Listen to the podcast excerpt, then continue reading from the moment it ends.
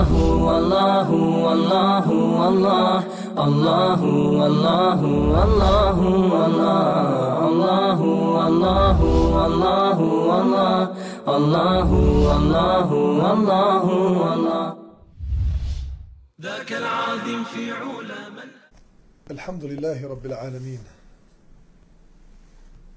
حمدا كثيرا كما أمر. اللهم لك الحمد عدد خلقك ورضا نفسك وزينة عرشك ومداد كلماتك. اللهم صل وسلم وبارك على محمد وعلى آله وصحبه أجمعين. اللهم علمنا ما ينفعنا وانفعنا بما علمتنا وزدنا علما يا كريم.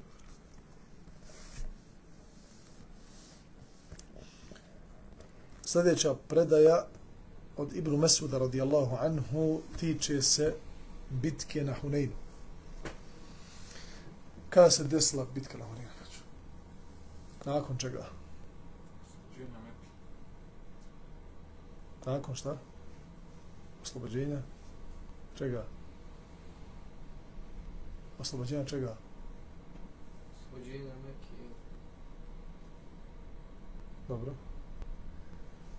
Zbog, šta je razlog bitke Huneyna? Osmani su ušli pobjedonosno u Meku, je li tako? Sa koliko vojnika?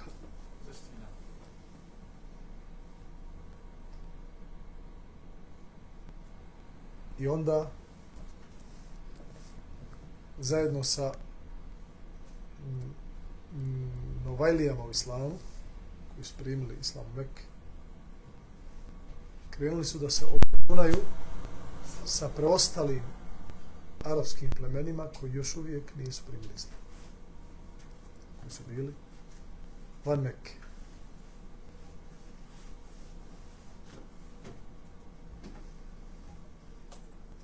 Allah Đelešanohu o tome kaže u jevme hunejnin iz a'đebetkum kathratukum o jeume Huneynin i na dan Huneyna. Allah kaže i na danu Huneyna, bitke na hunejna iz a'đebetkum kathratukum kada vas je zadivila vaša brojnost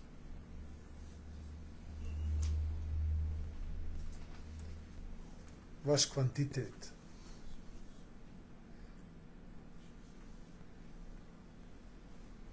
Mi smo ljudi skloni tome da se divimo samo ili često se divimo onome što vidimo. Jer smo mi sami od materije i volimo materiju. Ali to je pogrešno. Allah nas je bitkom na Huneinu podučio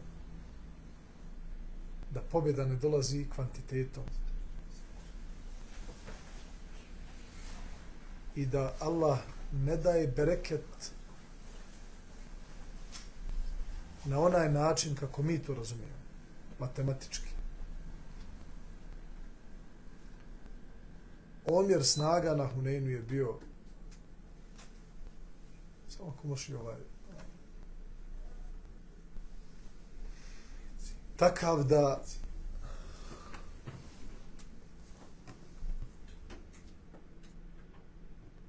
nije se moglo desiti da muslimani se uzdrmaju toga dana. Jer je bilo oko 12.000 ogromna vojska. A može da napadne bilo koda, koga i bilo gdje i bilo kada. Dok, na primjer, bitka na Bedru, na Jermuku, i ostale mnogo bitaka gdje su muslimani bili znatno malobrojniji, ali je pobjeda bila pobjeda je bila u rukama muslimana jer Allah ne voli da se oslanjamo na sebe, u sebe, u svoju snagu, u svoj kvalitet. Ne. Allah želi od nas da se oslonimo na njega u svim našim stvarima. I ono ja, ja imam, ja sam, A, nas Islam uči da to izbaci. Allah je. Fara, faraona je uništilo ene. Ene na arabskom znači ja. Ene rabbukum al-a'la. Ja sam vaš gospodar. Ja sam uradio. Ja imam. Karuna je također uništilo. Dato mi je ovo ala ilmin indi. Ovo mi je dato zbog mene. Ja sam to zaslužio. Ja sam to zaradio.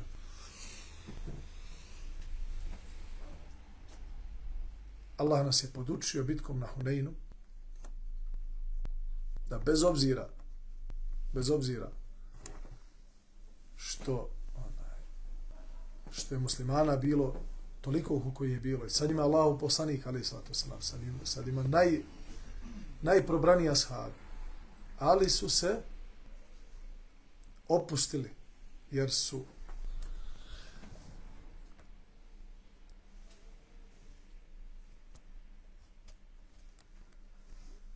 kao što smo spomenuli, uzdali se na svoju brojnost, na blagostanje, sretni zbog oslobađanja Mekke, bili još malo svojim nekim plemenima, gore da se malo poigramo, sad ćemo mi to za riješiti za čas posle. Bitka na Huneynu je bila jedna od znači, sudbonosnih bitaka što se tiče cjelokupne situacije. Kazuje se da u jednim od trenutaka bitke na Huneynu da je sam Allahu poslanik alaih salatu wasalam ostao, svi se razbježali.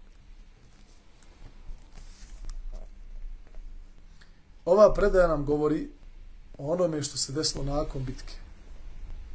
Na danu Huneina, poslanik sallallahu alaihi wasallam, dao je prednost nekim ljudima u raspodijelu ratnog plijena. Praksa je prije bila učesnicima bitke ide e, ista podjela. Bez da dadne nekome prednost na drugim. Na Huneinu je bilo drugačije. Allahu poslanik alejhi salatu selam je dao prednost novajlijama u islamu. Da njihovo srce još učvrsti u vjeri. Tek su se primili islama na način da su prije toga šta bili poniženi, poraženi. I Allahu poslanik alejhi salatu je htio da im pokaže ovim gestom evo primili ste islam i odma osjetite benefite toga. Znači, je da smo mi ušli pobjedonosno u Meku. I vi ste primili islam nakon što ste osjetili slabost. Sve vam je ispalo iz ruku. Nemate više ništa u svojim rukama. Medina, muslimani. Mekka, muslimani. Centar, znači, arabskog poluotoka, rukava muslimana. Šta im je preostalo? Da se pokori. I onda Allah, poslanik, alaih salatu wasalam, htio da učvrsti te ljude, da im pokaže da im je islam donio rahatluk, a ne da im je donio patnju. Jer samim time što su izgubili i što su ostali poniženi, morao se se predaju, osjetili su a, uskogrudnost u tome. Tjeskobu. Znači, nisu se osjećali kao što osjećali ashabi, koji su prije poslovađane Mekke primili islam i pobjedonosno ušli u Meku. Ima je bilo drugačije. Evo ga, znači, napokon smo pobjedili. I bitka Hunein je bila pečat svega toga. Znači, nakon što su porazili e, preostala arapska plemena i stavili ih pod pod vlast muslimana, gotovo je. Vjernici koji su primili islam prije oslobađene Mekke, njima je to bilo, znači, totalni rahat, gotovo je. Islam je pobjedio. Sada ćemo živjeti u miru, blagostanju, u rahatluku. Imamo kabu, idemo na hađu, na umru. Boravimo kod, kod, kod Allahove kuće. Bez da strepimo za svoje živote, za svoje metke ali oni koji su primili islam tek nakon oslobađane Mekke nije im takva, takvo mišljenje bilo. I onda Allah poslanik ali salatu wasalam je odlučio da njih, pošto je na, nakon bitke na Huneinu, to ratni plijen bio ogroman. Ogroman. U devama, u konjima, u jahalcama, u i tako dalje.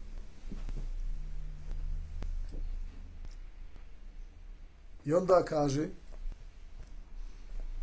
Akre ibn Harisu dao je stotinu deva. U Jejibn Hisnu isto toliko. A i pojedinim arapskim uglednicima također je tog dana dao prednost u raspodjeli.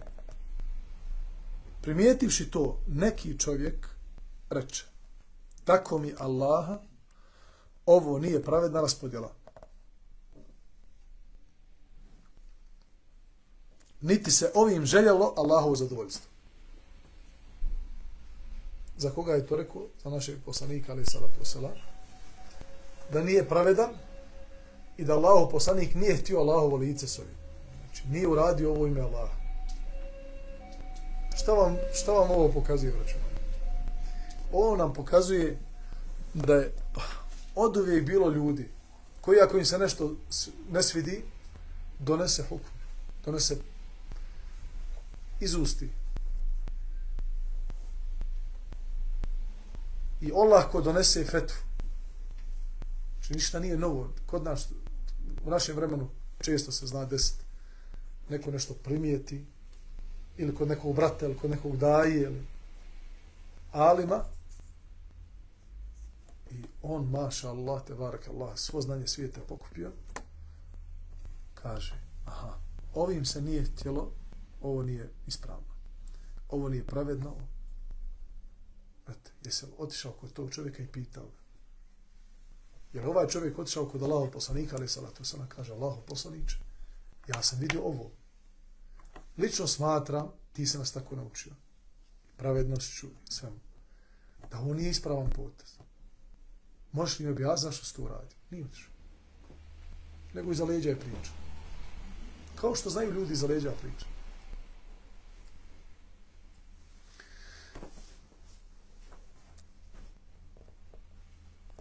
Ibn Mesud radijallahu anhu kaže Tako mi Allah obavijest ću ovome Allahu poslanika sallallahu alaihi wa sallam. Kada je čuo što je ovaj čovjek rekao, a primijetili ste da i u ovom rivajetu, to smo prošli put govorili, nije spomenuto ime čovjeka koji je ovo rekao. Zato što je rekao nešto ružno. Ne spominje se, braću Ne spominju se, ne prenosi se. Ako je neko nešto uradio loše ili rekao nešto loše, ako želimo da spomenemo taj događaj, to što je rečeno, ni pošto ne smijemo da spominjemo imena. To je zabranjeno. Ako vidimo da će biti koristi od toga da spomenemo situaciju bez spominjanja imena i da objasnimo kako je to ružan čin, to je pohvala. Jer je poslanik alaih salatu wasalam i u Medini znao da čuje ili da vidi da je neko radio nešto loše ili rekao nešto loše, pa se nakon namaza okrene i kaže šta li je tim i tim ljudima pa radi to i to. Kako mogu sebi da dopuste? Ali nikada nije došao i kaže e, uradio je taj i taj. To, hajmo, hajmo ga. Nikada.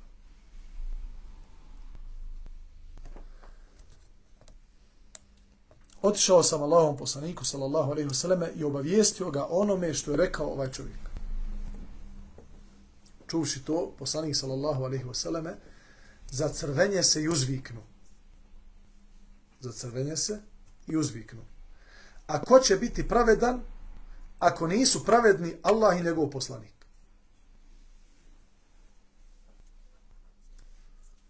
Šta znači za crvenje se i, i uzviknu? Naljutio se. Pogodilo ga to. Uznemirilo ga. Alehi salatu salam. Jer u istinu ljudi ne vole a, da čuju da je neko priča o njih, o njima iza leđa, o loše, pološe.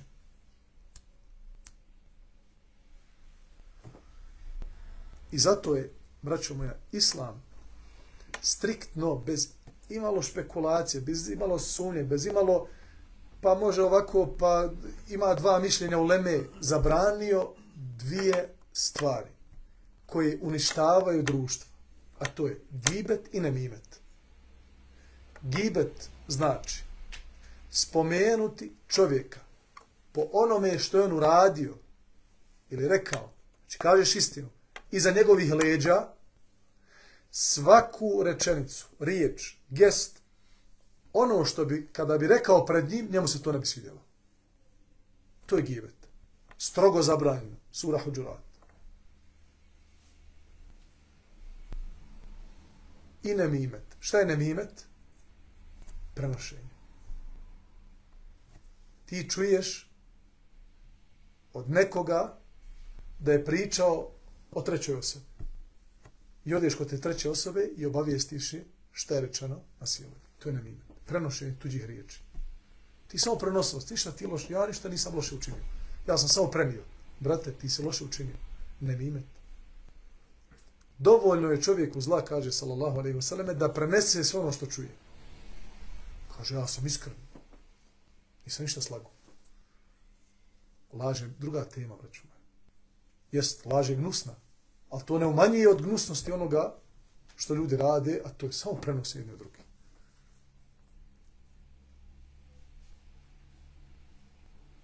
U hadisu kod muslima, poslanik sallallahu alaihi wasallam prolazi pored dva mezara i kaže u ova dva mezara se ljudi kažnjavaju, obojica se kažnjavaju. A ne kažnjavaju se zbog neke krupne stvari.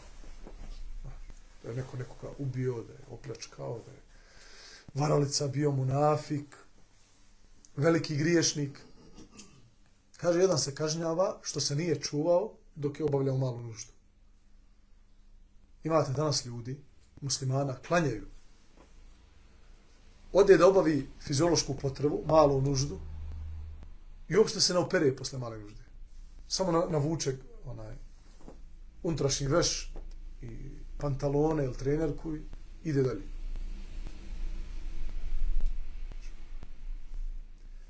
Kako, se, kako je došla naredba da se čistimo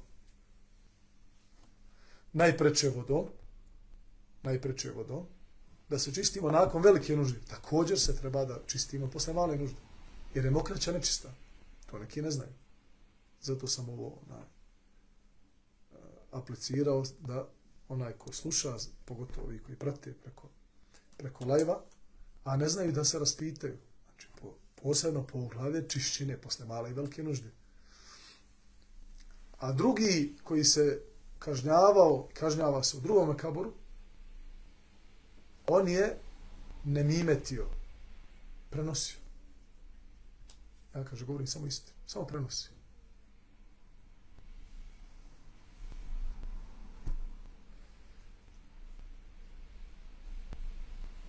Kako li su samo novinari iskušani su?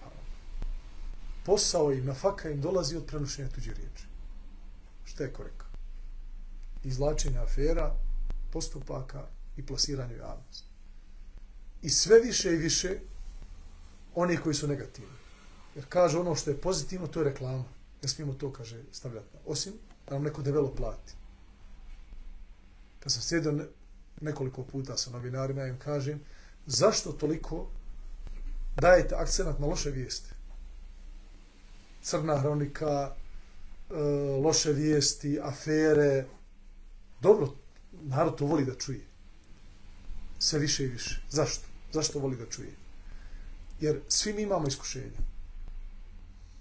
I imamo jaku želju da izađemo iskušenja.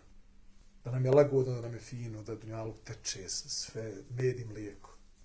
Jer mi žudimo ka džennetu u osnovi. Ali hoćemo da ga zaradimo bez da ga zaradimo. I onda hoćemo da pretvorimo dunjaluk da nam je on kao jedna vrsta dženeta. I onda kad čujemo loše vijesti, afere, ublaži nam se bol. Zato ljudi vole da čuje nešto loše o nekome. Uh, kaže, ovaj bi uspešno grohno. Uh, dobro je. Dobro je. Nisam ja samo taj koji je grohno. Ljudi su u osnovi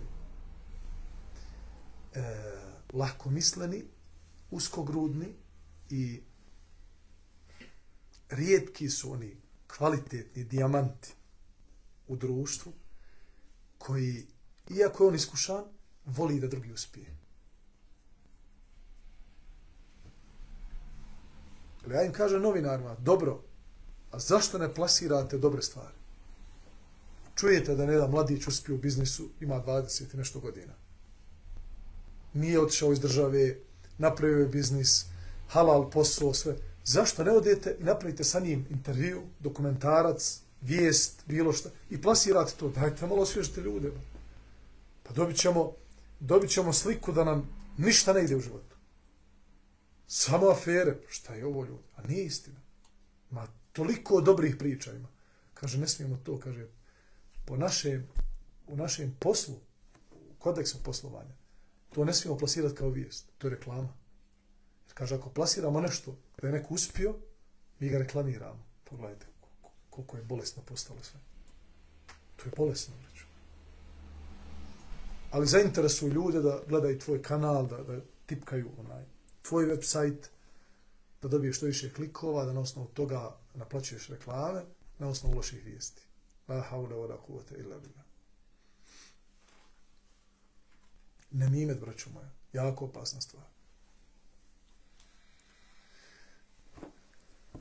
Sallallahu alaihi wasallam, se uznemirio zbog toga što je čuo.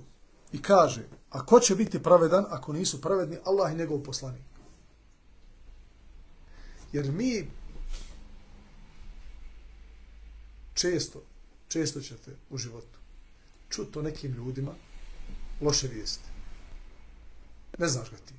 Čuješ jedan put lošu vijest, drugi put, pet puta. Odeš popiješ s tim čovjekom kafu. Nije to što slušao. Apsolutno skroz drugačije. Odgovara ti čovjek. Pravo fin. Kulturan. Vidi se iskrenost u njemu. O čemu se radi, braćo? Gibet na nimet. I još pri tome se doda malo HD produkciji, filmskih scena, malo se šarana laž, jer je najgora laž ona koja je najbliža istini. Ona puka laž, puka laž, koja je od početka do kraja izmišljena, 100%, ona nije najgora. Jer je lako provaliti. Čovjek slaže da je neko od prisutnih uradio nešto, a ovaj nema s tim ni, apsolutno ništa. To je jako lako za provjeriti. Uopšte nije teško. Koja je laž najgora, moja? Koja je pomiješana s istinom? 60-70% istine i 30% laži. Znaš koliki ekspert ti treba da budeš? Da bi otkrio da, je, da ima tu laži i da je u tolikim procentima. To je skoro pa nemoguće. E to je jako opasno. I to, to mi danas imamo dosta toga. I onda je e, jako je nezahvalno upustiti se da braniš nekoga ili nešto od tih postotaka laži 30%. Jer ovamo ima istine. I onda ti kad se staviš u ulogu branitelja, a, ti pokušavaš samo da odbraniš onaj dio, ali moraš da staneš u odbranu u potpunosti, ali onda staješ u odbranu i nečega što je možda loše, što ima istine.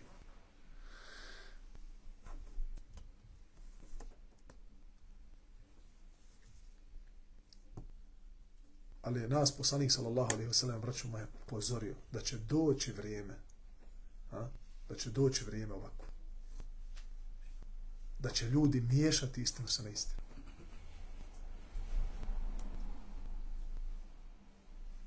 I da će biti muslimanima tada teško i taj isti hadis koji govori da će, da će doći vrijeme kada će ljudi biti na istini a u toj istini će biti ovih postotaka Pa je sallallahu alejhi ve sellem nakon toga rekao, ako se tada bude držao onoga na čemu sam ja i moji ashabi, a, kao da drži žeravicu, imaće nagradu 50 ashaba.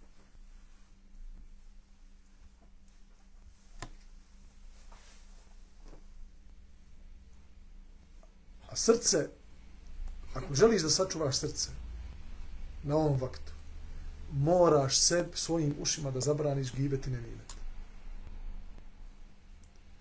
ne budeš to uradio, kad ta ćeš se razboliti?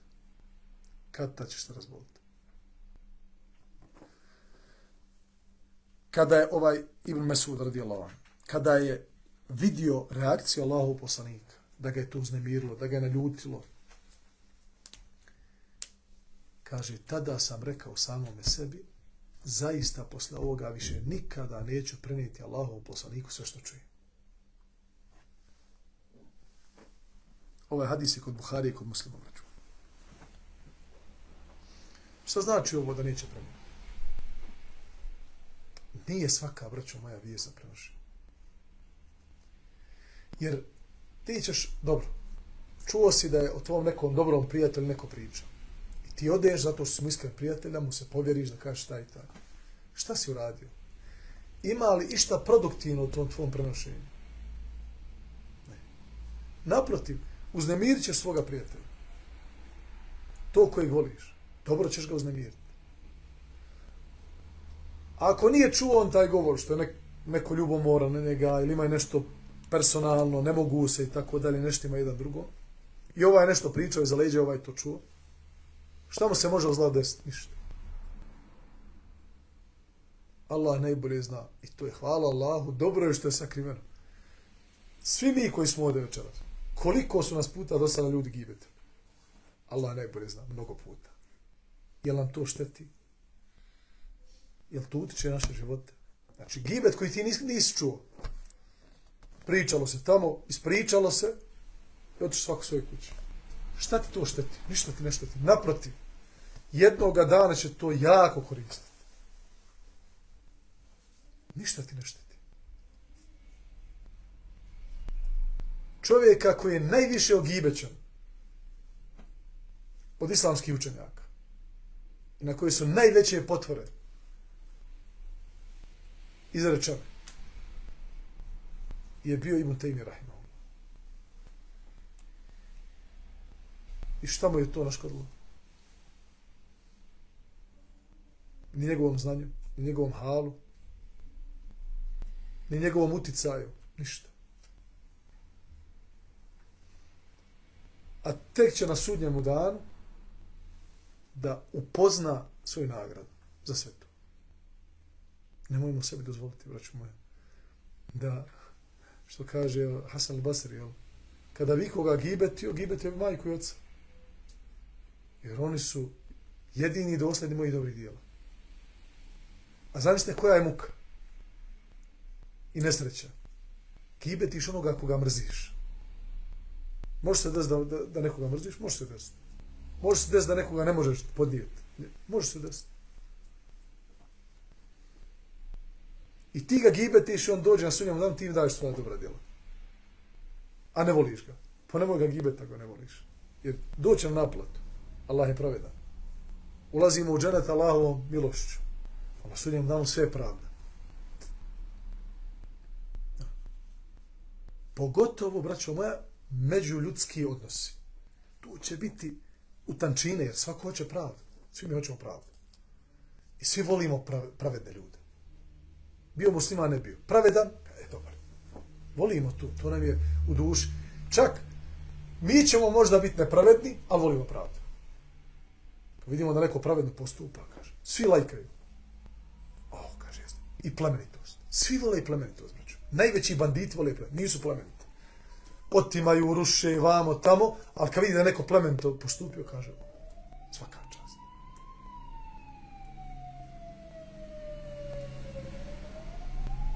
Odnos sa Allahom na sudnjem danu može se desiti da ti Allah pređe preko grešaka koji su činio prema njemu. I preko onih koji, za koji se nisi pokajao. I kada čitate tekstove, kada čitate Kur'an, kada čitate hadis i unesete se u razmišljanje o stanju ljudi na sudnjemu danu, kako Allah se obhodi prema svojim robovima, primjere koji su došli u hadisu, koji, jer svaki primjer koji je došao u hadisu, kako se Allah obhodio prema nekome i kako će se obhoditi na svoj, ima svoju suštinu. Nije džaba izrečeno. Ništa nije džaba. Nijedan ajet nije tek tako, samo red da radi spušten. Svaki ima svoju poruku nam. Vidjet ćete da Allah Đalešanuhu neke robove posebno voli. Zbog nekih dijela. I primijetit ćete da e, veličina jednog čovjeka kod Allaha se ogleda u njegovoj plemenitosti i njegovoj sposobnosti da je svoju sebe uzdigao na taj stepen da radi stvari u ime Allaha uprko tome što su mu što mu nisu drage. Strpljiv je. Nekom načinu nepravdu. Njegovo strpljenje je zadivilo Allaha.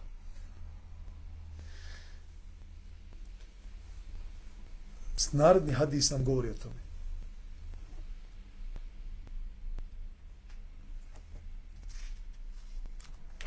Ne, ne, narodni nego iza, ali to ćemo ako bude u narodnom predavanju. Allah voli plemenitost. Međutim, kada su međuljudski, međuljudski odnosi u pitanju, neće tu biti rahmeta. Da Allah prekrije neku tvoju nepravdu prema, prema nekome i da ono kao bit će ti oprošteno. Ući ćeš u, u onaj dio robova koji imaju oprošteno bez polaganja računa, jer učinio si nepravdu, prvo će se to mora se to izgledati. Jer mora i da budu čiste duše da bi išlo u dženet sve dok nije čista, do kraja ne može ući. Šta ovo govori? I sa ovim ću završiti. Da se može desiti čovjeku da njegov odnos pre, sprem Allaha bude fantastičan, super. Međutim, prema Allahovim robovima jako loš. Ništa mu ovaj prvi status neće pomoći.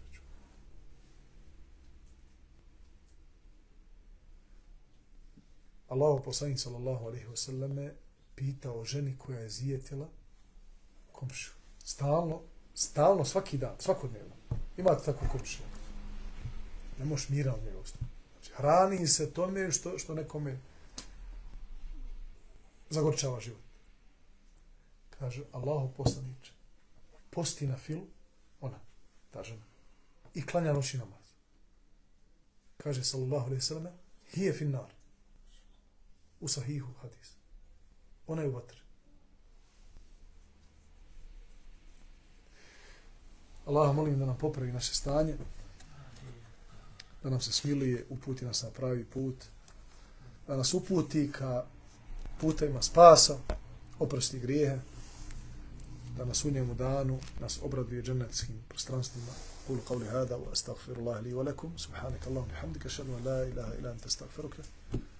وأتوب إليك.